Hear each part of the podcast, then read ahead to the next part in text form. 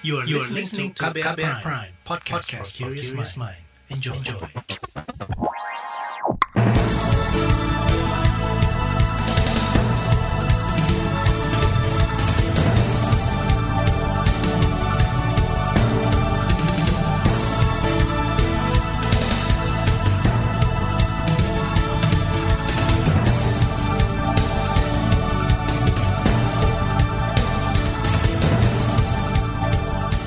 Selamat pagi saudara, senang sekali kami bisa menjumpai Anda kembali melalui program Buletin Pagi edisi Jumat 11 Juni 2021 bersama saya Malika. Sejumlah informasi pilihan telah kami siapkan di antaranya. Masukkan pasal penghinaan presiden dalam RKUHP, pemerintah klaim tak akan anti kritik.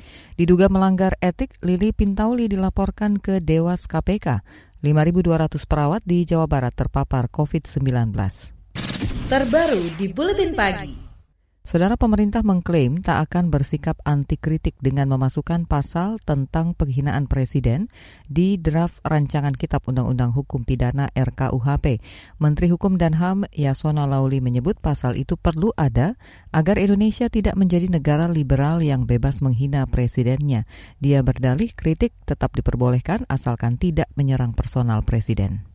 Saya kira kita harus ada batas-batas yang harus kita jaga sebagai masyarakat Indonesia yang beradab. Keadapan itu saya rasa harus menjadi level kita. Mengkritik presiden sah, sekritik-kritiknya lah, kritik kebijakannya apanya, sehebat-hebatnya kritik, nggak apa-apa. Bila perlu, tidak puas, ada ya mekanisme konstitusional juga ada kok. Tapi once you get in personal, soal yang personal, yang kadang-kadang dimunculkan, kita tahu lah, presiden kita dituduh secara personal dengan segala macam isu itu, dia tenang-tenang aja. Beliau mengatakan kepada saya, saya nggak ada masalah dengan pasal ini. Menteri Hukum dan HAM Yasona Lauli mengatakan pasal penghinaan presiden ini berbeda dengan pasal yang dulu pernah dibatalkan Mahkamah Konstitusi. Dia menyebut pasal yang dimasukkan kali ini merupakan delik aduan sehingga baru bisa diproses ketika presiden atau wakil presiden sendiri yang melaporkan. Dia juga mengklaim telah mensosialisasikan draft RUU KUHP ini ke 11 daerah dan mendapat respon positif. Yasona menilai perbedaan pendapat di tengah masyarakat merupakan hal yang lumrah. Saudara keberadaan pasal-pasal penghinaan dalam rancangan Undang-Undang Hukum Pidana kembali menjadi sorotan publik. Dalam draft RKUHP terbaru, seseorang yang melakukan penghinaan terhadap presiden terancam bui hingga lima tahun kurungan. Pasal ini pernah digugat dan sudah dibatalkan oleh Mahkamah Konstitusi. Menteri Koordinator Politik Hukum dan Keamanan Menko Polhukam Mahfud MD menyerahkan keputusan soal pasal penghinaan presiden kepada DPR. Pasal ini masuk dalam draft RKUHP. Mahfud mengatakan pasal penghinaan presiden memang pernah dibatalkan oleh MK, namun itu terjadi sebelum dirinya menjabat hakim MK. Karena kini kembali masuk di RUU KUHP, Mahfud mempersilahkan jika DPR mencoretnya. Mahfud mengklaim pernah menanyakan mengenai pasal ini ke Presiden Joko Widodo Widodo jauh sebelum ini menjadi polemik. Kata dia, Jokowi juga menyerahkan keputusan itu ke parlemen. Pasal penghinaan terhadap presiden dan wakil presiden mengundang pro kontra bahkan di lingkungan Dewan Perwakilan Rakyat Republik Indonesia atau DPR RI dalam rapat kerja Komisi 3 Rabu lalu anggota Komisi 3 DPR RI Habibur Rahman meminta pemerintah mengalihkan pasal penghinaan tersebut ke ranah perdata tak lagi pidana. Saya ini selalu ditanyakan soal pasal 218 itu di RKUHP. Penghinaan presiden. Saya sendiri dari dulu, dari mahasiswa paling benci ini pasal. Saya rasa kalau saya ditanya, baiknya ini dialihkan ke ranah perdata saja. Jadi penyelesaiannya ke arah perdata sehingga tidak melibatkan kepolisian dan kejaksaan yang merupakan rumpun eksekutif. Anggota Komisi 3 DPR RI Habibur Rahman menilai keterkaitan hukum pidana dengan pasal penghinaan mengundang penolakan di kalangan masyarakat karena dianggap membatasi kebebasan berekspresi. Dengan kata lain membatasi ruang gerak orang yang memiliki pendapat berseberangan dengan kekuasaan. Tapi anggota Komisi 3 lainnya Arsul Sani memiliki pendapat berbeda. Menurutnya, wajar jika negara mengatur hukuman pidana bagi orang yang melakukan penghinaan dalam hal ini pada presiden dan wakil presiden. Arsul mengacu pada kebijakan serupa di negara lain, contohnya Denmark, Islandia, hingga Belgia.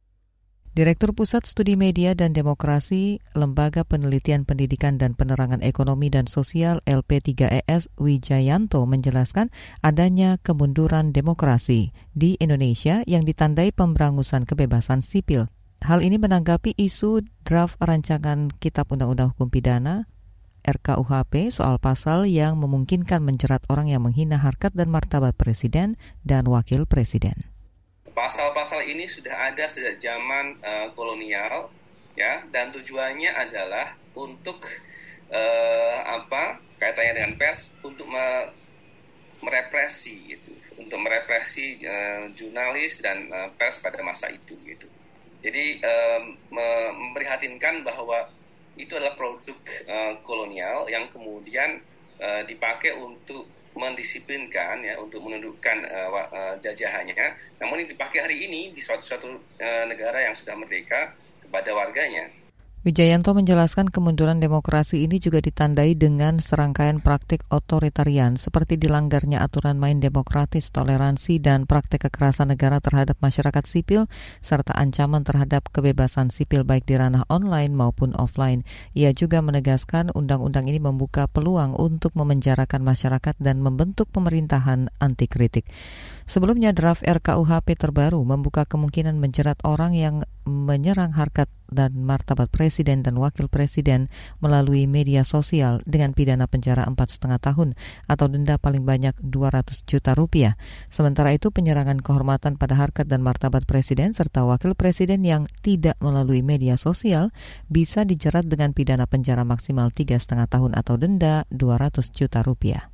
Informasi tentang 80 persen pasien COVID-19 tidak dirawat akan hadir usai jeda. Tetaplah di Buletin Pagi KBR. You're listening to KBR Pride, podcast for curious mind. Enjoy!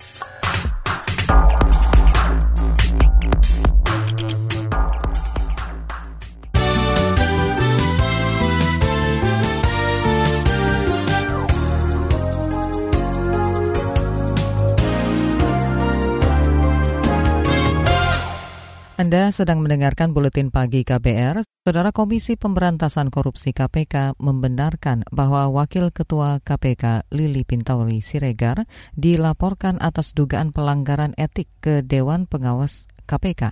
Juru bicara KPK Ali Fikri mengatakan pihaknya menghargai bahwa hak siapa pun untuk mengadu atau melapor kepada Dewas terkait dugaan pelanggaran etik oleh pimpinan atau pegawai KPK. Adapun Lili Pintauli diduga menggunakan posisinya sebagai pimpinan KPK untuk menekan tersangka Wali Kota Tanjung Balai M. Syahrial untuk kepentingan pribadi. Namun demikian, apakah kemudian benar terhadap peristiwa yang dilaporkan dimaksud ataukah apakah kemudian benar ada atau tidak adanya pelanggaran etik oleh insan KPK, eh, tentu kami serahkan sepenuhnya kepada Dewan Pengawas KPK untuk memprosesnya sesuai dengan ketentuan yang diatur di dalam Undang-Undang KPK eh, maupun peraturan Dewan Pengawas KPK. Saudara, Rabu lalu dugaan pelanggaran etik Lili Pintauli dilaporkan oleh penyidik KPK nonaktif Novel Baswedan dan Rizka Anungnata. Mereka menduga Lili menggunakan kekuasaannya sebagai pimpinan KPK untuk menekan pihak yang berperkara di KPK untuk membantu penyelesaian masalah kepegawaian adik iparnya, Ruri Prihatini Lubis, di perusahaan daerah air minum Tirta Kuala Kota Tanjung Balai. Selain dugaan pelanggaran etik terkait penyalahgunaan wewenang, novel DKK menduga Lili juga berkomunikasi dengan M. Syarial yang terjerat kasus dugaan jual beli jabatan di lingkungan Pemkot Tanjung Balai dengan tujuan agar kasus itu tidak naik ke tingkat penyidikan. Kementerian Kesehatan menjelaskan lebih banyak pasien COVID-19 yang berbaur dengan masyarakat daripada yang dirawat di rumah sakit. Perbandingannya sekitar 80-20 persen. Oleh karena itu, Wakil Menteri Kesehatan Dante Saksono Harbuono menekankan pentingnya pemberlakuan pembatasan kegiatan masyarakat PPKM Mikro untuk mencegah penularan COVID-19. Dengan menggunakan PPKM Mikro, maka yang harus kita evaluasi adalah seberapa jauh sebenarnya setiap daerah teritorial tersebut mempunyai pasien COVID. Dan sudah dibagi per, bahkan per RT sampai per RW. Kalau ternyata per RT atau per RW berdasarkan urian PPKM mikro tersebut mempunyai kasus uh, yang lebih dari uh, sekian tempat tidur, maka harus dilakukan uh, bahkan perlu dilakukan small semi lockdown di di tempat tersebut. Wakil Menkes Dante Saksono menambahkan sosialisasi protokol kesehatan COVID-19 juga harus terus digencarkan. Terlebih Dante menyadari masyarakat banyak yang sudah jenuh dengan kondisi pandemi COVID-19. Maka dari itu pemerintah mensosialisasikan dan berkoordinasi dengan Pemda agar tidak mengulangi kondisi lonjakan kasus di Bangkalan maupun di Kudus. Anggota Badan Anggaran Banggar Dewan Perwakilan Rakyat DPR RI Marwan Ciasan mengkritik rencana pemerintah untuk mengenakan pajak pertambahan nilai PPN untuk bahan pangan atau sembako. Ia menyebut wacana pengenaan pajak untuk bahan pangan atau sembako adalah pengkhianatan untuk rakyat. Kata dia pemerintah seharusnya mencari terobosan lain yang tidak menyentuh rasa keadilan rakyat. Apa instrumen yang bisa kita buat yang membuat bisnis tetap bisa berjalan, tetapi negara memperoleh income yang memadai untuk kita bisa belanja, untuk lagi memperbesar kue pembangunan ini tanpa menyulitkan masyarakat. Secara kata lain saya rasa bapak-bapak pasti lebih tahu. Tapi hal-hal yang kontraproduktif, yang menggores rasa keadilan rakyat itu jangan disebut Pak. Terlintas di pikiran pun tidak boleh untuk majakin sembako itu. Itu pengkhianatan namanya terhadap rakyat. Itu tadi anggota Badan Anggaran Banggar DPR RI Marwan Ciasan. Saudara sebelumnya pemerintah berencana mengenakan tarif pajak pertambahan nilai PPN untuk kebutuhan pokok atau sembako. Wacana tersebut tertuang dalam draft revisi Undang-Undang tentang Ketentuan Umum dan Tata Cara Perbajakan atau RUU KUP. Di dalam draft tersebut sembako tidak lagi termasuk dalam objek yang PPN-nya dikecualikan. Presiden Joko Widodo menginginkan usaha mikro, kecil, dan menengah UMKM di Indonesia bisa segera go digital.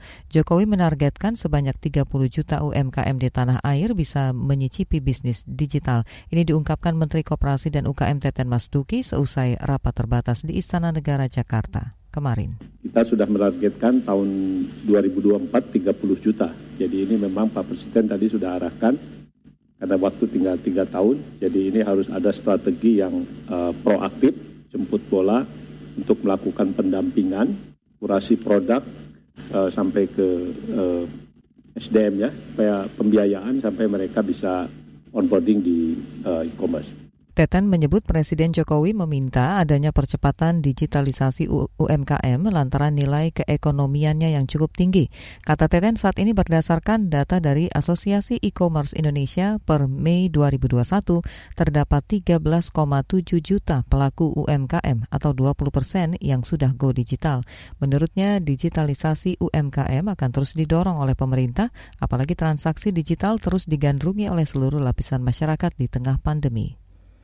Kita ke mancanegara, Malaysia melaporkan tingkat keterisian tempat tidur BOR di ICU untuk pasien COVID-19 mencapai 100 persen pada hari Minggu lalu.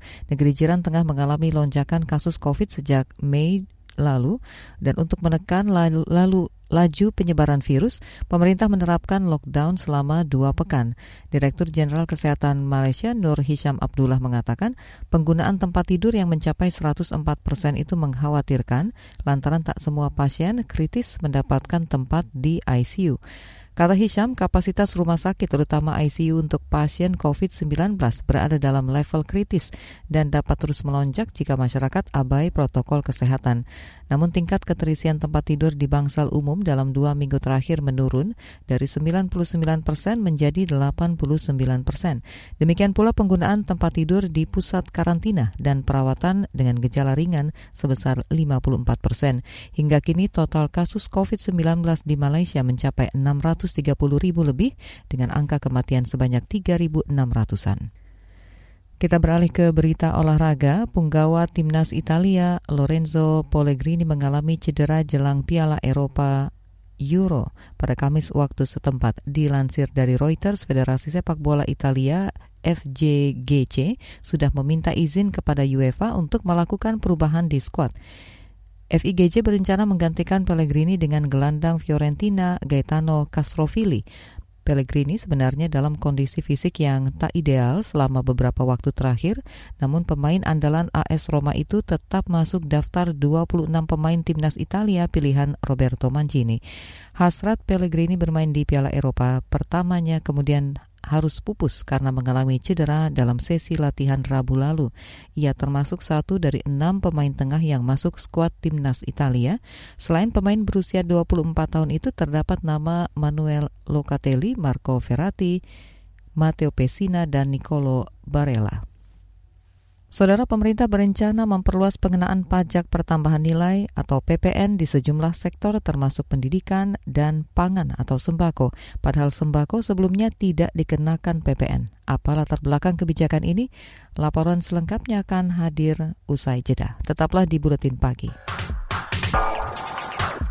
You're listening to KBR Pride, podcast for curious mind. Enjoy!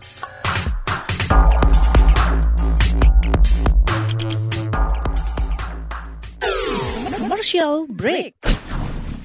Oke Google, cariin apa yang lagi trending sekarang dong. Yang lagi viral, yang lagi hits. Aduh, kamu ini tahunya cuma nyur doang. Lah, dia nolak. Aku bilangin Siri nih.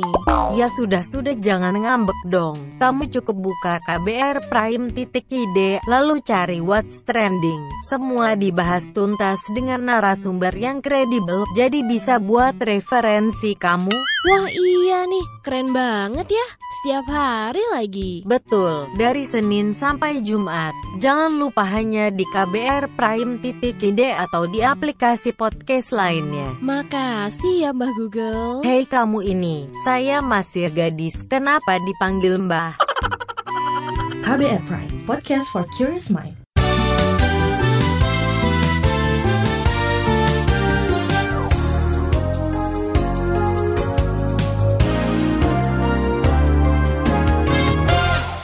Anda masih bersama kami di Buletin Pagi KBR. Saudara pemerintah memperluas pengenaan pajak pertambahan nilai PPN di sejumlah sektor termasuk pendidikan dan pangan atau sembako. Padahal sembako sebagai barang yang sangat dibutuhkan masyarakat sebelumnya tidak dikenakan PPN. Wacana ini pun mendapat perhatian dari sejumlah pihak. Sudah tepatkah pengenaan pajak untuk kebutuhan bahan pokok saat pandemi? Berikut laporan khas KBR yang disusun Yovinka Ayu. Pemerintah berencana mengenakan tarif pajak pertambahan nilai atau PPN untuk kebutuhan bahan pokok atau sembako sebesar 5 hingga 25 persen. Ketentuan PPN sembako ini tertuang dalam revisi kelima Rancangan Undang-Undang Nomor 6 Tahun 1983 tentang Ketentuan Umum dan Tata Cara Perpajakan. Dalam Peraturan Menteri Keuangan Nomor 116 Tahun 2017, Bahan pokok yang dimaksud meliputi beras, jagung, telur, susu, buah, sayur, dan gula. Menteri Keuangan Sri Mulyani mengatakan pengenaan PPN ini dilakukan demi berlangsungnya perpajakan yang adil di semua sektor. Kita melihat PPN menjadi sangat penting dari sisi keadilan atau jumlah sektor yang harus uh, tidak dikenakan atau dikenakan. Ada multi tarif yang mungkin menggambarkan tadi kepentingan afirmasi. Kita juga kan perlu untuk memberikan fasilitas PPN yang lebih rendah untuk barang jasa tertentu, tapi juga PPN yang lebih tinggi untuk barang yang dianggap mewah dan untuk GST atau PPN final bisa diberlakukan untuk barang jasa tertentu. Ini untuk membuat kita rezim PPN-nya relatif lebih comparable dan kompetitif dibandingkan negara lain. Sementara itu, juru bicara Menteri Keuangan Justinus Prastowo menjelaskan rencana mengenakan PPN sembako merupakan arahan jangka panjang yang pelaksanaannya akan dimulai setelah pandemi COVID-19 mereda. Menurutnya, kebijakan ini perlu dibuat dengan sebaik-baiknya guna menciptakan rasa keadilan. Di sinilah saatnya kita menyusun kebijakan PPN yang lebih baik, sehingga sembako, kalau kita bedakan, ada beras premium yang saat ini dikonsumsi oleh e, kelompok masyarakat atas. Ada beras murah yang dikonsumsi masyarakat miskin. Ada daging segar yang premium dan sebagainya. Tidak adil ketika seluruh jenis barang itu semua tidak dikenakan PPN. Namun berapa angka kenaikan dan sektor mana saja yang akan mengalami kenaikan pajak masih akan dibahas pemerintah bersama DPR dan para pemegang kebijakan lain. Wacana pengenaan PPN pada sembako ini muncul hanya sekitar tiga bulan setelah pemerintah membebaskan pajak penjualan atas barang mewah atau PPNBM 0% untuk mobil baru. Rencana PPN sembako ini mendapat tanggapan serius dari DPR. Anggota Komisi Keuangan DPR Anis Biarwati menilai pengenaan pajak untuk sembako sangat tidak tepat, baik di masa pandemi maupun kondisi normal. Menurutnya kebijakan ini akan memberatkan masyarakat yang juga akan berdampak pada penurunan daya beli. Sembako itu kan kebutuhan dasar bagi masyarakat. Uh, dan dia sangat dekat dengan masyarakat ya, sembako itu. Artinya um, siapa pun uh, warga kita, siapa pun manusia pasti butuh sembako itu. Jadi yang begini harusnya itu justru dibantu, apalagi di masa pandemi. Sembako itu harusnya dibantu oleh pemerintah. Masyarakat mendapatkan kebutuhan dasar di saat pandemi lagi sulit, bukan justru dikenakan pajak. Ya, karena kalau uh, dikenakan pajak berarti kan uh, nanti uh, itu akan dibebankan kepada konsumen kan. Sampai saat ini RUU tentang ketentuan umum dan tata cara perpajakan belum diserahkan pemerintah ke DPR. Kritikan juga datang dari peneliti ekonomi dari Indef, Eni Sri Hartati. Ini mengatakan pengenaan pajak pada sembako tidak tepat dilakukan, apalagi saat ini pandemi masih belum bisa dipastikan kapan berakhir. Dampak dari pandemi ini untuk pemulihan ekonomi itu belum belum ada satu kepastian. Nah, oleh karenanya uh, di Indonesia apalagi struktur uh, pemulihan ekonomi kita itu sangat tergantung dari konsumsi rumah tangga karena porsi terbesar yang menggerakkan ekonomi itu uh, konsumsi rumah tangga. Konsumsi rumah tangga sangat ditentukan oleh daya beli. Dan daya beli itu tentu ada dua faktor yang mempengaruhi, yaitu pendapatan masyarakat sendiri dan kedua stabilitas harga kebutuhan pokok gitu kan. Eni berharap pemerintah mampu mengoptimalkan berbagai penerimaan dari sumber daya lain. Ia menyarankan pemerintah tidak perlu membuat kebijakan yang sifatnya berisiko, seperti menaikkan pajak di tengah pemulihan ekonomi. Laporan ini disusun Yovinka Ayu, saya Agus Lukman. Informasi dari berbagai daerah hadir usai jeda, tetaplah di Buletin Pagi KBR. You're listening to KBR Pride, podcast for curious mind. Enjoy!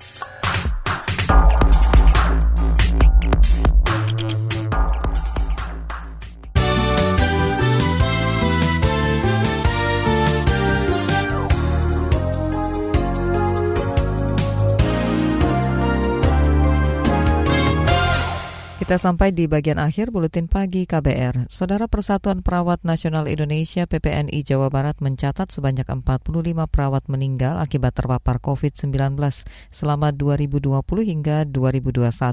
Menurut Ketua PPNI Jawa Barat Wawan Hernawan, rinciannya adalah tahun 2020 sebanyak 42 perawat wafat ditambah tiga orang pada tahun 2021. Wawan mengatakan penyebab wafatnya perawat karena belum mendapat vaksin dan kualitas alat pelindung diri atau APD yang rendah. Sekarang kan udah bagus nih, begitu pemerintah turun tangan, APD udah murah lagi dan sebagainya. Hmm. Alhamdulillah lah, yang terpapar ini dari 5.000 sekian itu, ya kemarin itu hanya kejadian sekitar 230 orang. Hmm. Positif ya. Yang meninggal dari 42 orang 2020, sekarang hanya tiga orang. Wawan mengatakan untuk jumlah pasti perawat yang terpapar positif COVID-19 periode 2020-2021 mencapai 5.200 orang. Ia mengaku seluruh perawat yang terpapar sebagian besar sudah sembuh dan kembali bertugas melayani masyarakat. Informasi tadi mengakhiri kebersamaan kita di Buletin Pagi hari ini. Pantau juga informasi terbaru melalui kabar baru, situs kbr.id, Twitter kami di akun @beritaKBR, serta podcast di alamat kbrprime.id. Akhirnya saya Malika bersama tim yang bertugas undur diri. Salam.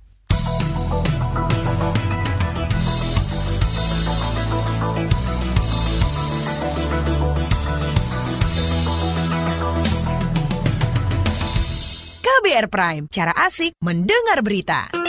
KBR Prime, podcast for curious mind.